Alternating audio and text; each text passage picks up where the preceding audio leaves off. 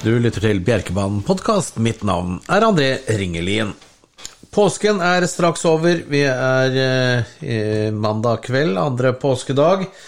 Og rett etter påsken, første arbeidsdag, så er Bjerkebanen tilbake med en eh, flott V75-omgang med et herlig V75-avslutning hvor vi får en hel drøss med gode hester til start. Men før det så skal vi ta en titt på de seks innledende omgangene. Løpene starter som vanlig klokken 19.00, og vi starter med et meget åpent løp, tolv hester i start.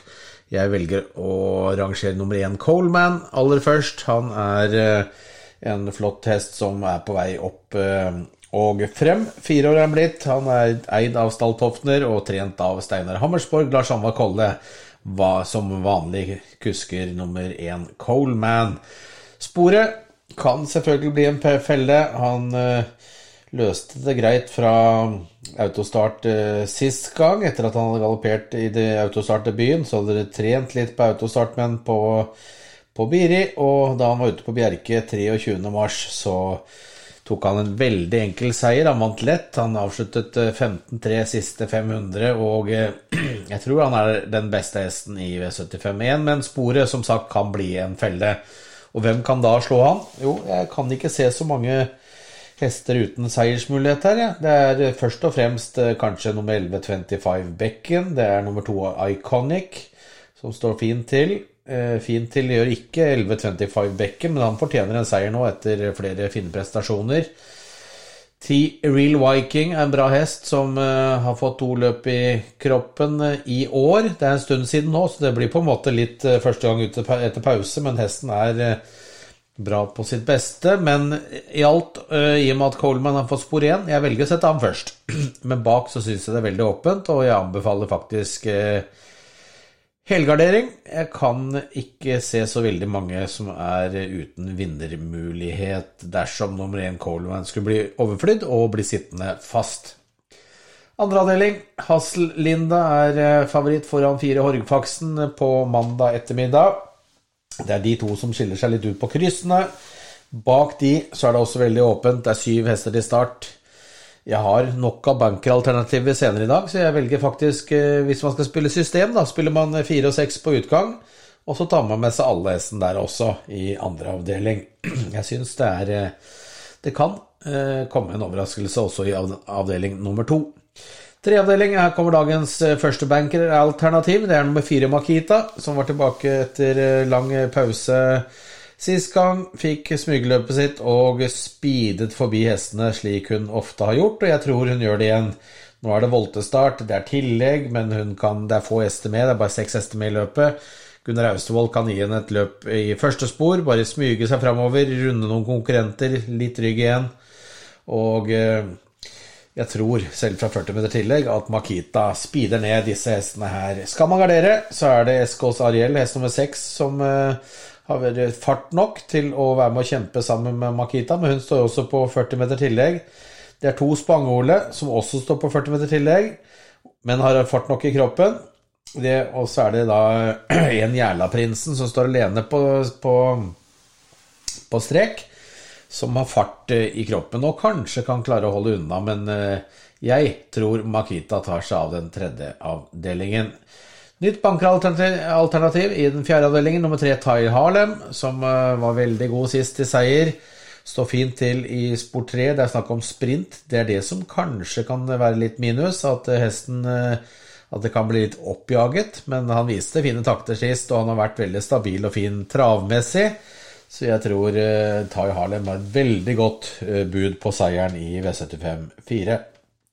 For de som leter garderingshester, så er det Seks Nessa Kaviar, som galopperte sist gang, men har vært bra i startene før det. Det er Ti Agnes US, som står vanskelig til igjen, men hun gikk fint. Eh, selv om hun var uplassert sist, så avsluttet hun bra i kulissene fra sport 12.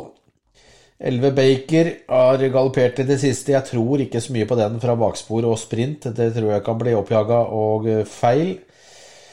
Og bak der, der eh, skal man gardere, så er det veldig åpent bak de jeg har nevnt nå. Men Trai Harlem er en stor bankerkandidat, et bankeralternativ. Femte avdeling, to Kroklekongen, fire Arveroda, er eh, hestene som har kryss på seg mandag ettermiddag. Felles for dem er vel det at eh, det er en stund siden siste seier. Ingen har vunnet på de fem siste startene. Og sånn kan du gå gjennom på resten av hestene. Det er vel ikke mange seier i raden her. Så her også kan det komme en overraskelse dersom to og fire som kanskje er. Spiller man seks og fire i andre avdeling mot eh, resten, og så utgang da mot to og fire i den femte avdelingen. Bare krysse på det som er av de andre hestene der også, føler jeg, for jeg har en uh, veldig eh, fin banker, og kanskje den sikreste i den neste avdelingen, i avdeling seks. To Calhoun. Veldig god i V75 uh, sist gang, selv om uh, selv om man måtte gi seg litt til slutt, så i løpet var det så mange gode hester i. Det er enklere motstand i morgen i V75-6. Kalhun står til for å kunne få teten eh, relativt tidlig, og jeg tror ikke konkurrenten er god nok til å presse opp tempo slik det ble sist. Da åpna det jo 13-2 første 1000.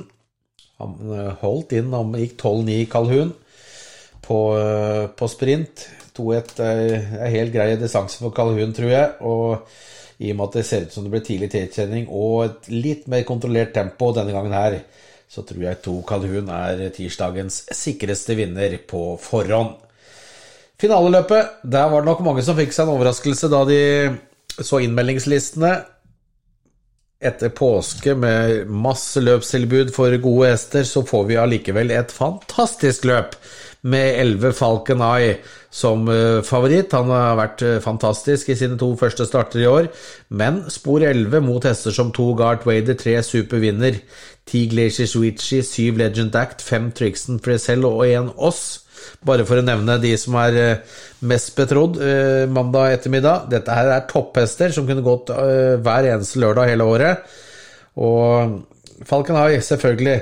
Han eh, skal være blant de mest spilte. Men jeg velger faktisk å sette nummer tre Superwinner først. Han har gått fine løp så langt i år.